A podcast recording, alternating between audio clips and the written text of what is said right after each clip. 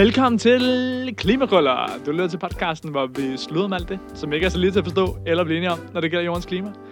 Vi, øh, vi tror indenfor, som altid, fordi Danmark er det træls vejr. Men du, Rasmus, du kommer med samme god energi som altid. Ja, i dag bliver bare så fedt, mand. Hold kæft, hvor bliver det fedt. Ej, det bliver super godt. Det bliver Det fantastisk bliver så godt. afsnit. Uh, vi skal snakke om de Aussie Alps i dag. De Aussie Alps. Er det Down Under, vi taler, eller hvad for Det er det nemlig, og øh, navnet på, på det, hvor man har taget nogle prøver, det lyder ikke så Aussie. Det hedder, tæt på i hvert fald, Mount Kosciuszko. Men det er jo... Ej, okay, hold da op en imperialistisk telegram, du kommer Ja, med det- der. Det er jo... Selvfølgelig lyder det Aussie, for det er jo... Altså, det er da klart Og han er hverken hollænder, eller englænder, eller irer, eller noget som helst. Det er jo meget polsk, er det ikke det? Har, har de været i Australien nogensinde? Nå, okay, det kan godt være selvfølgelig, at der, der laver jeg måske ruk, rukfejlen, at jeg, jeg hopper ind af et vindue, som jeg, jeg troede, det var, fordi det var aboriginal på en eller anden måde.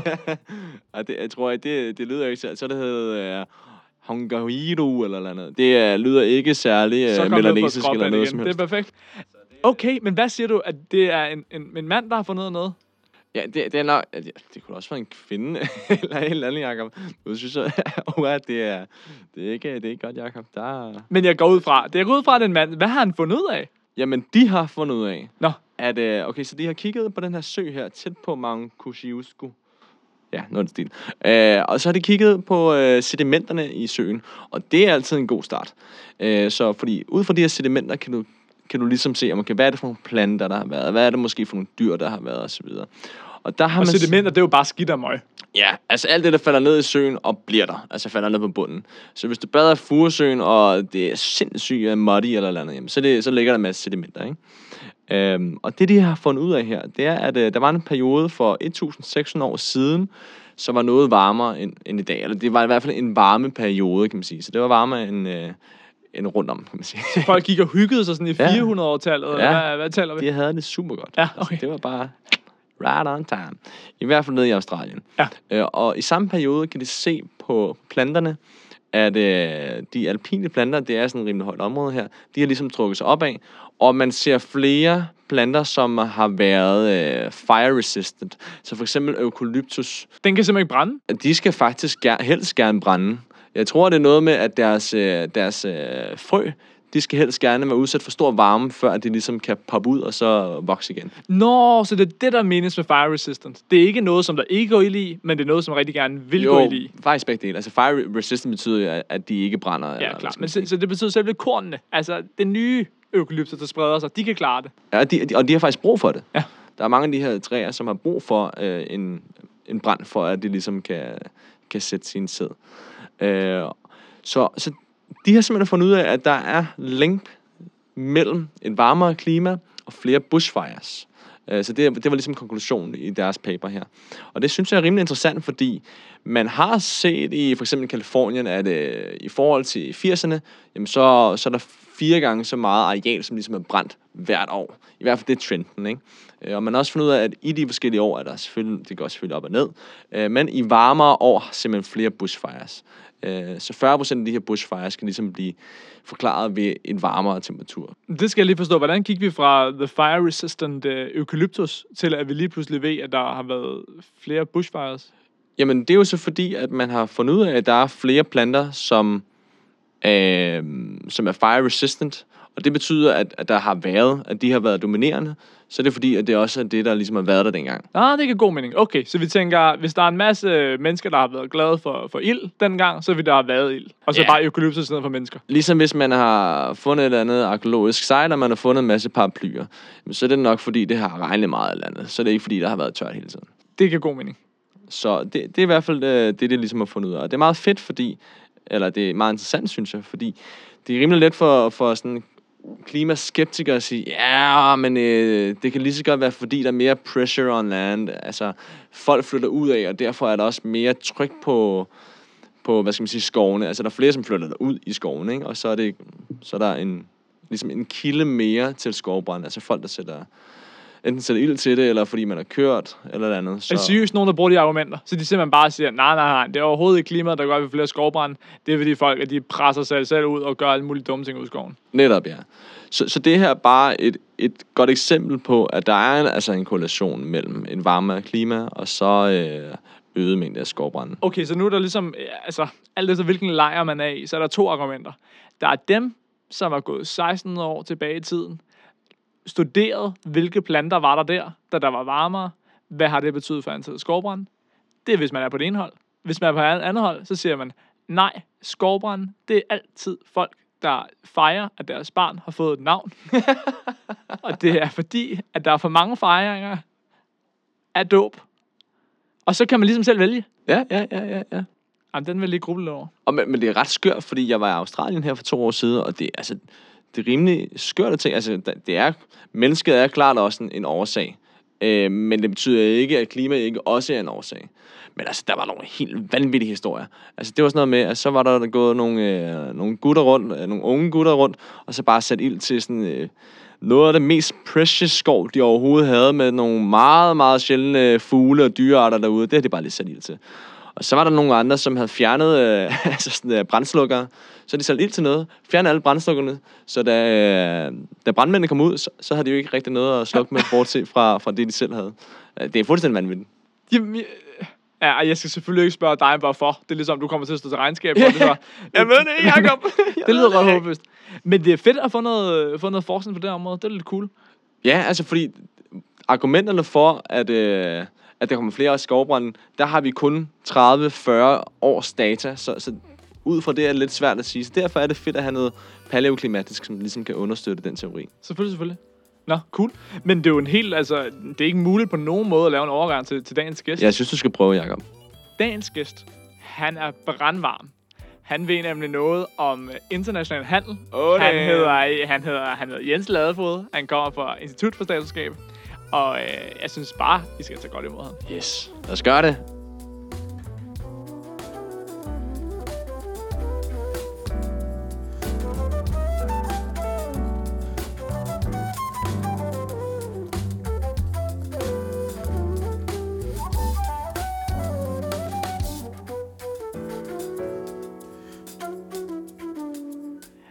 Altså Rasmus, jeg ser det på mange måder som øh, en lille konkurrence mellem os to. Nå, for fanden. Nu, øh, nu sidst, der tog du øh, Bent. Bent, der vidste en helt masse om atomkraft med.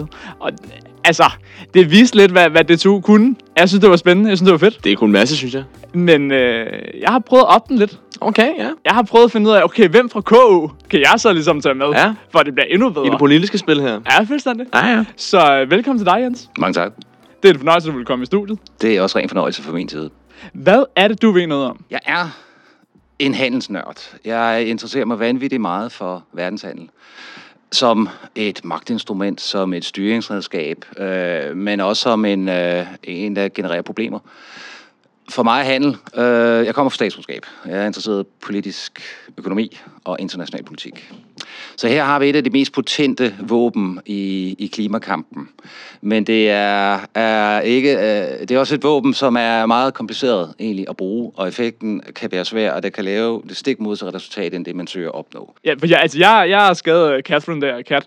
Det er, at hun siger altid, jamen, alle grunde taler om, at, at samarbejde internationalt er så svært. Men hey, vi, vi samarbejder om, om satellitter, om postvæsen, og der er handelsaftaler, hvor, hvor lande rent faktisk handler med store, store beløb. Det er magtpolitik på højt plan, men landene bliver jo enige alligevel. Så hvis man kan bruge det instrument til at få noget klima og noget miljø ind i, så kan man måske nå rigtig, rigtig langt. Og det er det, som du ved noget om. Og ja, det, jeg glæder mig til det, fordi det, det virker altid super komplekst. Ikke? Man snakker om handelskrig og så videre og så videre. Men altså, hvad, hvad er det for en uh, battleground, man snakker om her? Og det, det, det glæder mig til at høre lidt om. Jamen helt fra, fra, fra begyndelsen af. Vi har en aspiration, vi har en tro på, når vi handler sammen, og det har vi gjort gennem hele verdenshistorien. Så bytter vi os frem til noget vækst og noget velfærd, og vi får det bedre, vores børn får det bedre. Og det tror jeg, jeg, jeg er overbevist om det argument, det er komparativ fordel og hele den der. Men vi lever i en verden, der er, er politisk opdelt, og vi lever i en verden, hvor, hvor der er noget, der hedder suverænitet. Det vil sige, at vi har i dag klimaet, altså det globale problem, par excellence. Det, det, det findes ikke større. Vi skal omstille os og vores økonomi til, at vi får løst det problem, fordi det er simpelthen en nødvendighed i dag. Det, det, det, det er jeg ikke ude at diskutere om. Men skal vi så blokere for handel? Skal vi sætte yderligere krav? Øh, og kan vi tillade os at gå ud og sætte nogle krav til på nogle steder på kloden, som er så langt væk fra os, hvor der er nogle helt andre sociale vilkår, og bede dem leve op til vores krav? Fordi det er, og det er det syden i dag, jeg har set hele ned. Altså, det smager af noget grøn imperialisme. Og det er noget, og de har lige frigjort sig, de ønsker ikke, at vi skal diktere deres lovgivning. Derfor så sætter de hele imod. Men vi kommer og siger, at vi har et globalt problem, og I skal skære ned for jeres udledning. Og vi skal nok hjælpe jer med det ved at stille nogle krav til det, I sælger til os. Og der har du det grundlæggende politiske sammenstød. Det står mellem frihandel og suverænitet. Og det gør vi efter, vi har brugt de sidste to år på at, på ligesom at, at tage vores del af, af skaden. Vi har om nogen været sådan, er historisk ansvarlige for det her problem. Men det er et problem, der går flere hundrede år tilbage. Men jeg tænker også bare her i nyere tid med, med WTO og sådan, det er ikke fordi, vi har været bange, altså berøringsangst i forhold til at sige, der er nogle good governance-kriterier, I skal leve op til. Der er alt muligt i forhold til, hvordan I fører jeres regering, hvordan I mindsker korruption. Det er noget, I skal leve op til, hvis I vil handle med os. Hvor, hvorfor kan vi ikke bare gøre det samme med klimaet? Hvad, hvad er problemet med at udnytte store multilaterale øh, handelsregimer som WTO til det? Altså, tager de optimistiske briller på, så er, er, er der sket fremskridt. Men vi står også for det her glas vand, det er halvt fuldt. Eller for mange er det halvt tomt. Og vi har en, en nødvendig dagsorden, og vi er under tidspres. Uh, det er en meget langsomlig proces, vi har været inde i. Vi skal helt tilbage til konstruktionen af verdensøkonomi efter 2. verdenskrig, og vi får den her traktat, der hedder om, om 12, som hedder GATT. I 95 bliver den til verdenshandelsorganisationen, WTO. I den ligger der en relativt kort øh, paragraf, artikel 20, og der står, at stater har suveræn ret til at bestemme deres eget beskyttelsesniveau. De har lov til at beskytte sundhed og mennesker og natur. Der står ikke miljø i den. Den er skrevet 47. Der eksisterede ordet miljø ikke rigtigt. Den er så igennem 4-10 år langsomt blevet udpenslet til, at, at stater har en eller anden betinget ret til at være ambitiøs i deres miljøpolitik og også klimapolitik. Men den er, der er nogle betingelser, og det må ikke være skjult protektionisme. Det skal være en effektiv politik, den skal være nødvendig. Man skal have forhandlet med de partner, der bliver ramt af den. Og det ene og det andet og det tredje. Og derfor mener mange i dag, at det her simpelthen går for langsomt, og der er for mange betingelser på den her miljøklausul. At aftalerne simpelthen går for langsomt, eller hvad? At, at det er hæmmer øh, det at tage lederskab, det at, at tage føretrøjen på i, i klimakampen. Du kan ikke øh, stille så restriktive krav, fordi du skal ud og videnskabeligt begrunde det, hvis du afviger for internationale standarder. Du skal ud og, og forklare, at du har søgt en aftale, en frivillig politisk aftale med det land, som nu bliver berørt af det her. Og det, og det går simpelthen for langsomt, og, og, og det er derfor alle øh, mange presser på, for nu skifter vi gear, og det er EU ved at gøre. Kan du give nogle eksempler på, hvad er balancen så, som reglerne inden for WTO tillader og ikke tillader? Har der været nogle sager op, der på en eller anden måde gør os klogere på, hvad, hvad må man, hvad må man ikke i forhold til at forsvare noget, der har med klima og miljø at gøre? En af de helt afgørende sager, det sker, det sker i begyndelsen af 90'erne. Øh, amerikanerne sætter nogle krav om, at deres tunfisk skal være fisket på en delfin-safe øh, måde. Øh, og det er krav, fordi amerikanske fiskere lige pludselig brokker sig over, at nu kan de jo bare importere nogen, der ikke skal leve op til de her krav. Vi snakker altså om huller i nettet. Så USA siger godt, for nu af skal vores handelspartnere, deres tunfisk, skal også leve op til vores standarder.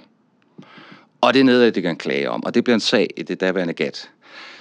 Og det bliver tabt, fordi det er sådan en ret historisk øh, panelafgørelse, hvor de eksperter kigger på reglerne, det kigger der, og så siger den, der står ikke noget om det her. Uh, vi må ikke diskriminere mellem produkter, der er ens. Og her har vi en delfin, øh, delfinsikker måde, øh, en, en tunfisk er fanget på, og der er den ikke. Når man åbner dåsen, så er det det samme. Ergo, der findes ikke nogen bæredygtige produkter, der findes ikke nogen grønne produkter af afgørelsen. Og det så eksploderer situationen. Det sker samtidig med, at der var NAFTA i USA, og vi får NGO'erne på banen her. Og det er sådan en lidt markant ændring af hele det politiske felt, der sker her. Og det er simpelthen uacceptabelt. Ikke? Der går nogle år, og den bliver trukket simpelthen i land, og den bliver lavet, den bliver lavet om. Og så siger selvfølgelig er der noget, der er anderledes ved den her tundåse end den her. Så amerikanerne kunne få lov til... De kunne få lov til at kræve det her, men de har ikke lov til, og det er den anden del af, af, af dommen, og den har vi stadigvæk. Vi har ikke lov til, at amerikanerne går ind og bestemmer andre landes lovgivning. Det er der, det, det der er suverænitet. De har lov til at prøve alt, hvad de kan, at få en aftale. Men når de ikke kan få en aftale, så er der lige pludselig en, en, en tomrum der.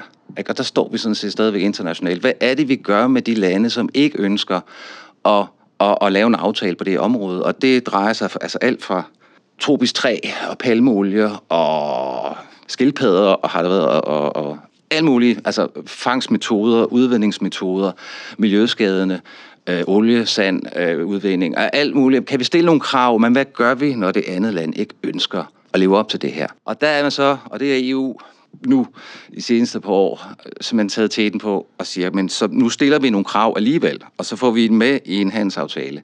Fordi så får I en privilegeret markedsadgang til os, hvis I lever op til det her der var den der, nu ved jeg ikke, hvordan man udtaler det, at vi skal rulle lige så meget bæret, som de plejer at gøre, så med at komme der Mercosur. Mercosur-aftalen, ja, nemlig. Det er en helt stor handelsaftale ja. mellem EU som en fælles blok, og så de sydamerikanske lande, i hvert fald det helt store Brasilien, Argentina og Chile osv.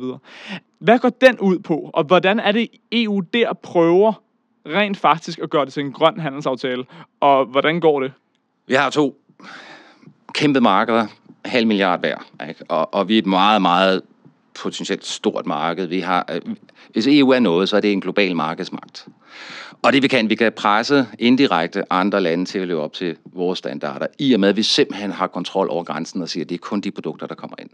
Men vi har ved lidt udenom for mange kampe omkring det her grønne i, i 10 år. Nogen vil kalde det et tabt 10 år.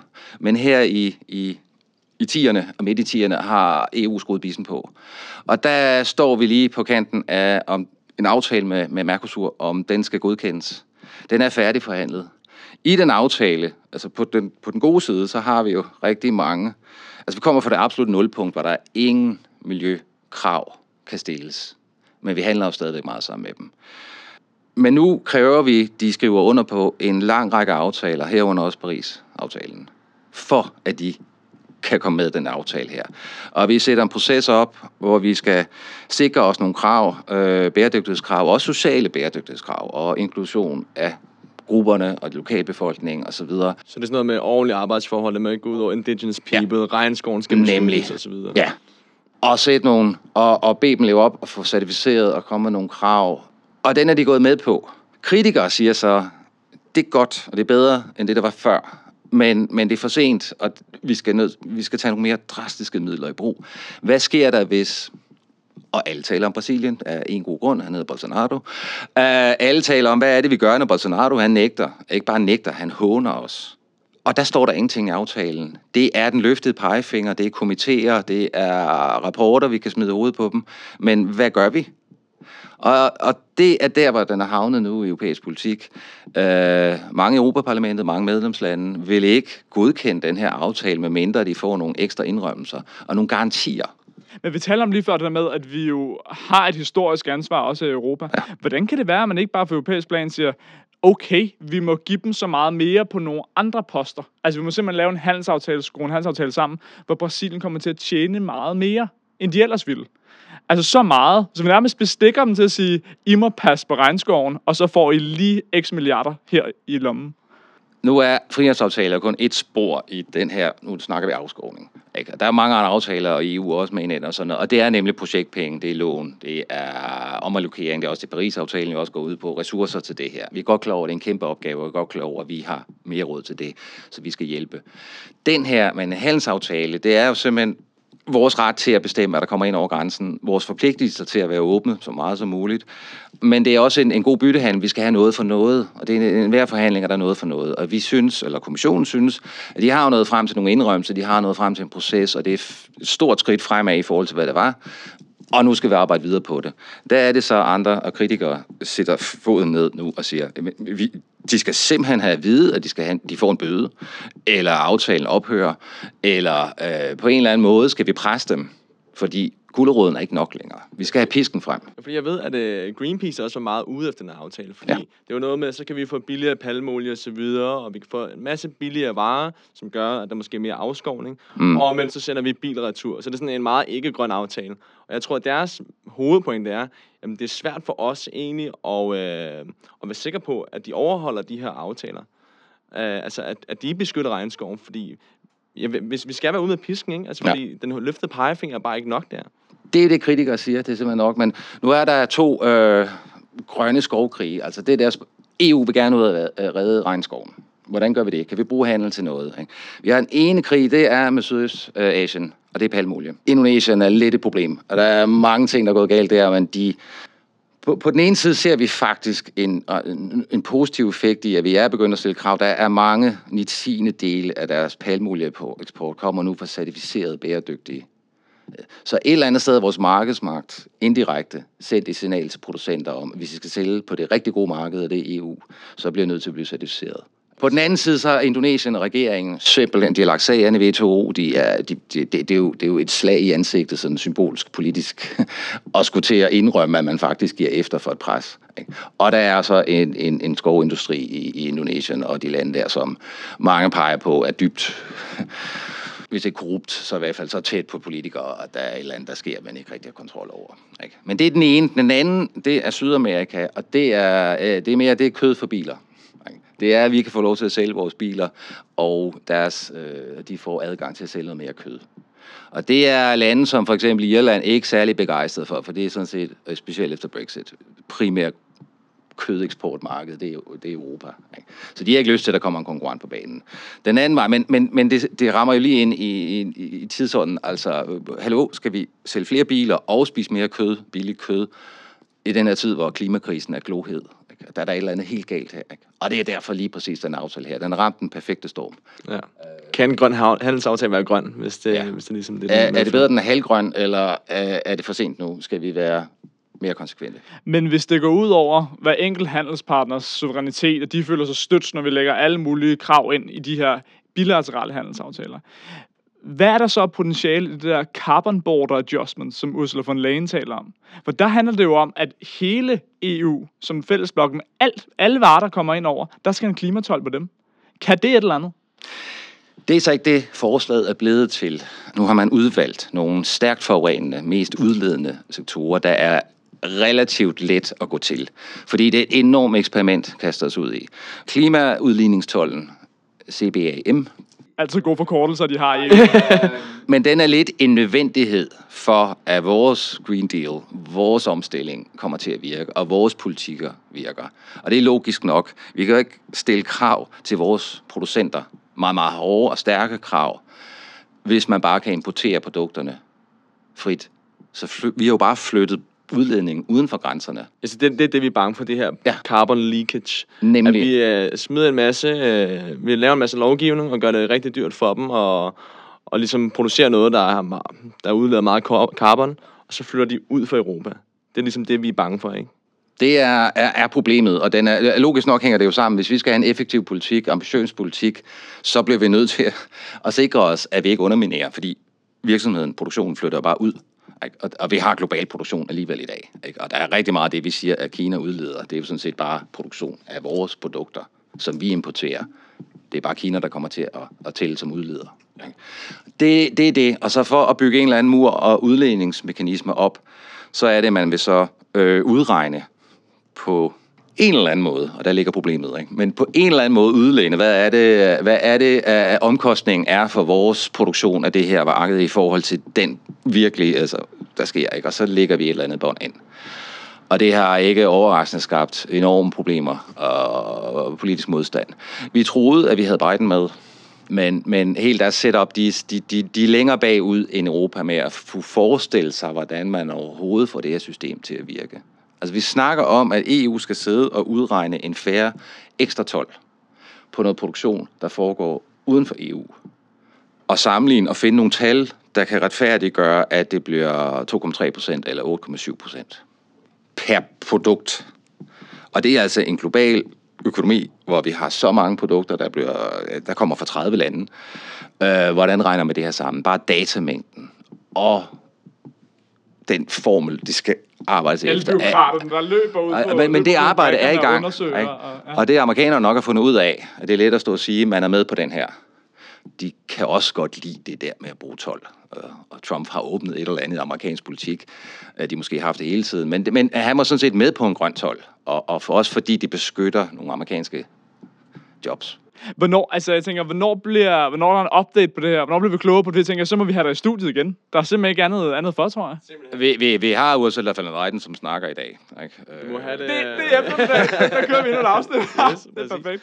Det her er, er hvad, hvad jeg hører på vandrørene om, at den her plan, hvor Norge kommissionen vil rulle ud med, de begynder langsomt at komme med udspil, ikke? og det er altså direktiver osv. osv. Så skal lige huske på EU, altså vi har lidt føretrøjen på med standarder og grønne standarder i verden. Og alene af den grund, så vi har vi en eller anden impact, fordi vi er et kæmpe marked. Men vi har også, er det 1100 miljødirektiver og, og forskellige øh, krav, som er på EU-niveau, ikke? og de skal alle sammen udmyndes på national plan. Og, og så har vi det der med Brexit, vi fedter rundt med lige for tiden. Hvad, hvor står øh, britterne her? Men de skal jo ikke få Ja, lov det er jo til bare- at, at, at snyde udenom. Så der er en masse ballade. Ikke? Samtidig har det WTO, som jeg snakkede om, som ikke WTO, altså politik, da politikken har ramt WTO. Ikke? Øh, nu, nu er der ikke engang et helt dommerpanel, der kan lave afgørelser. Uh, det er Trump, der startede det, men det er ikke løst endnu. Vi har handelskrig Kina og USA. Den er ikke afmonteret, den er der stadigvæk. Der er lidt bedre toner på tværs af Atlanten. Og WTO kan ikke blive enige om noget som helst. Det, det jeg synes, der er, er næsten lige så tragisk som altså, problemet med afskåning, og hvad gør vi, hvad kan vi gøre? Vi er desperate efter at gøre et eller andet. Men man kan heller ikke engang blive enige om at sige, godt, så tager vi grønne produkter, og så siger vi 0-12 i hele verden.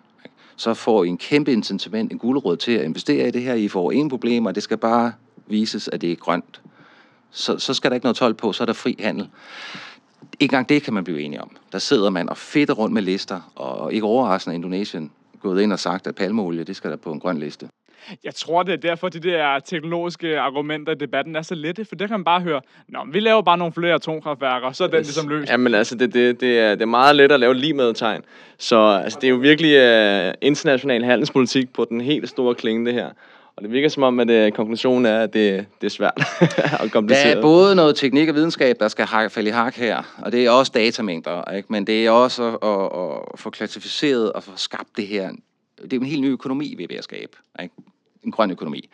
Og hvad er hvad her? Ikke? Men vi er på vej. Ikke? Øh, Det, man snakker om i EU, det er så for eksempel, kan man så sige, godt, når I lever op til de og de krav, så får I den her tolvlettelse, og går I videre, så får I dobbelt så meget. Ikke? Gulerød, gulerød, men på en eller anden måde er der mange i dag, der kræver, at der kommer konsekvens. At sige, hvis I ikke gør det, hvad gør vi så? Jeg tror bare, vi må sige, at det har været en, øh, en kæmpe fornøjelse at blive lidt klogere på det her i hvert fald. Sindssygt fedt, sindssygt fedt. Og jeg får en uh, ja, lille indblik i den her kompleksitet, som det, det virkelig er. Det er meget lettere sagt end gjort. Uh, men vi har sagt det, og vi har lovet det. Og, og, og nu er vi i gang med at gøre noget. Det er det, så er den ikke længere. jeg tror, vi vil sige uh, tak for i dag, og på gensyn. Det lyder var som om, der er meget, meget mere at snakke om. Og på genlyt med, med lytterne. Vi er glade for, at I vil være med. Det var en fornøjelse. Men uh, tak for i dag.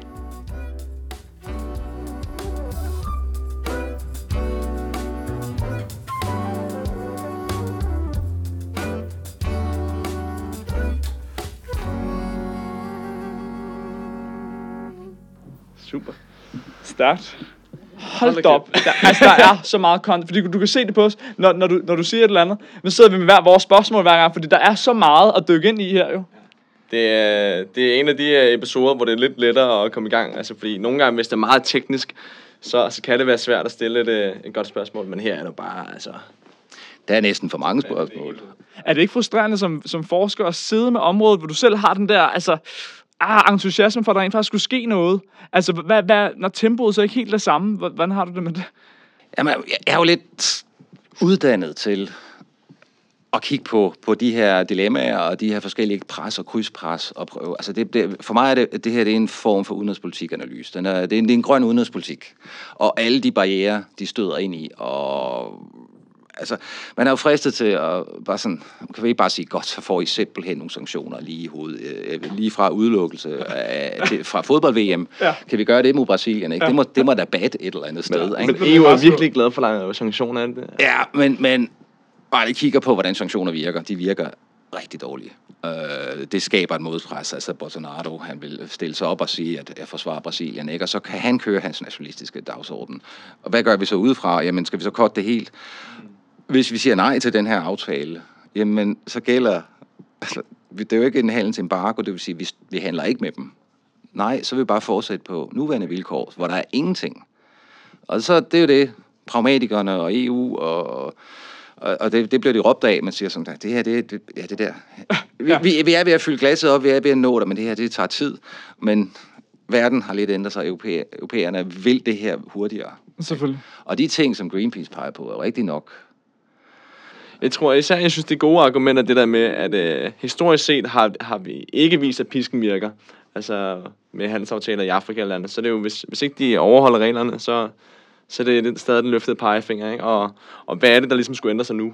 Men, men igen, det der tabte 10 år, hvor vi har prøvet at løfte pegefingrene, og, og der er jo altid en krise alle mulige andre steder. Ikke? Så, så, men den her helt på toppen nu har været der, så det er det, jeg kan se, der kan ske et eller andet ved. Men der er igen i forhold til atomkraftværken, der taler de om et tabt 40 år, tabt 50 år, synes de selv. Så, så tabt 10 år, det er ingenting. Ingenting. Nada. Men, men nu begynder det jo...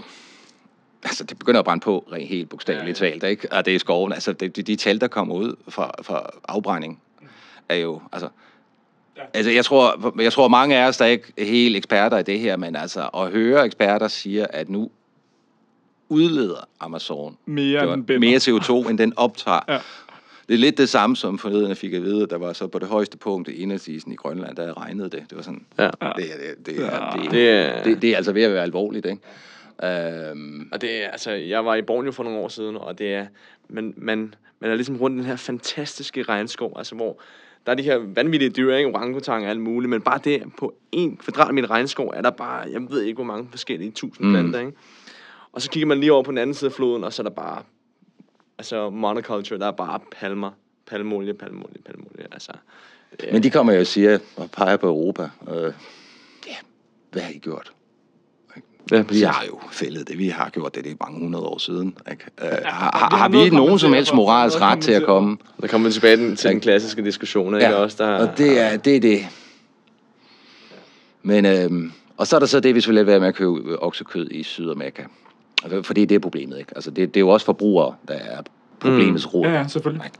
Og Jeg vi, tror- Hvad gør vi? Ikke? Og hvis de ikke kan sælge til os, jeg ved da godt, det bliver, det bliver bare solgt et andet sted. Kina. Ja, men det, det, det, er, Ja. ja. det de så også nævner, det er, at, øh, at det måske ikke er det bedste argument, fordi deres salg med Kina allerede er faldende egentlig. Øh, Nej, Kina bliver vigtigere og vigtigere. Til gengæld følger de jo også nogle idealer, som vi sætter for dem. Ikke? Så hvis vi siger, uh, kød, det er ligesom det fineste overhovedet, og vi skal ikke spise så meget af det, for det er så lækkert, men hvis det udleder CO2, hvis vi virkelig helliger det og gør det til noget helt særligt, mm, så klart, så kommer kineserne til at tænke, mums, det skal vi da stadig spise, også selvom de andre begynder at spise mindre af det. Altså håbet ligger jo i, at vi blandt andet Glasgow her snart, men kommer ikke nogen signaler om, at faktisk de der tre powerhouses i verdensøkonomien, er der et eller andet, vi kan begynde at blive enige om, ikke? fordi så er det, det rykker. Eller kan vi blive enige på tværs af Atlanten, ikke? så er vi lige pludselig halvdelen af verdensøkonomien. Nå, men Kina rykker trods alt også med deres interne kvotehandel Ja, nu og sådan, ikke? Og, og, og, og kan man finde et eller andet, et par ting, som, som altså, men, men, men det med afskovning og regnskov, altså der ligger Sydøstasien er så bare så tæt på Kina, og det er det marked, der betyder noget. Ikke? Noget, jeg ikke er helt med på, det er, at der er nogle regler for, hvad prisen af det samme produkt skal være i Europa. Lad os sige, at det bliver billigere for, for Brasilien at, at eksportere kød til Europa. Det vil umiddelbart gøre prisen herhjemme billigere. Men øh, er der nogle regler for det? Nej, det, det, det har vi ikke regulering af, af, af prisen. Egentlig bare købe mere, ikke? Tænker jeg. Ja, øh, men så er der ikke, altså, der er det, at man godt kan blive lidt frustreret over, at, at, at for eksempel økologisk kød, kylling og så videre, altså den, det, det er rigtig dyrt. Ikke? Øh, kan de virkelig passe det hele af produktionsomkostninger? Altså 12 er jo ikke mere end hvad de 10 procent, ikke? Altså hvad, hvis vi kan, vi kan øge vores import af økologisk kød, ikke? Øh, men, men filter det ned, så det er noget, vi... Bruger vi så bare mere af det? Og Er det løsningen? Eller... Selvfølgelig. Men det er jo lidt... Det, det, det, er også forbrugere, som, som lidt styrer det her. Det er også der efterspørger. Og, og hvis vi begynder at kappe inden for meget, ikke, så, så, så vi, vi er jo også vant til at få... Altså, vi, vi, vi, vi have et, vis udvalg af frugter hele året. Ikke? Vi, vi skal have vores avocado 24 timer i døgnet hele året. Ikke? Hvor er de kommer fra? Ja. Ikke? De skal sejle sig op og så videre. Ikke? Bananerne, vi kan jo ikke leve uden. Øh, det er rigtigt. Hvis vi begynder, altså, at der kommer hårde krav, ikke? så også forbrugere, vi begynder jo at... Ja, vi, vi, vi har det godt. Vi vil gerne fortsætte med at have det godt. Ikke?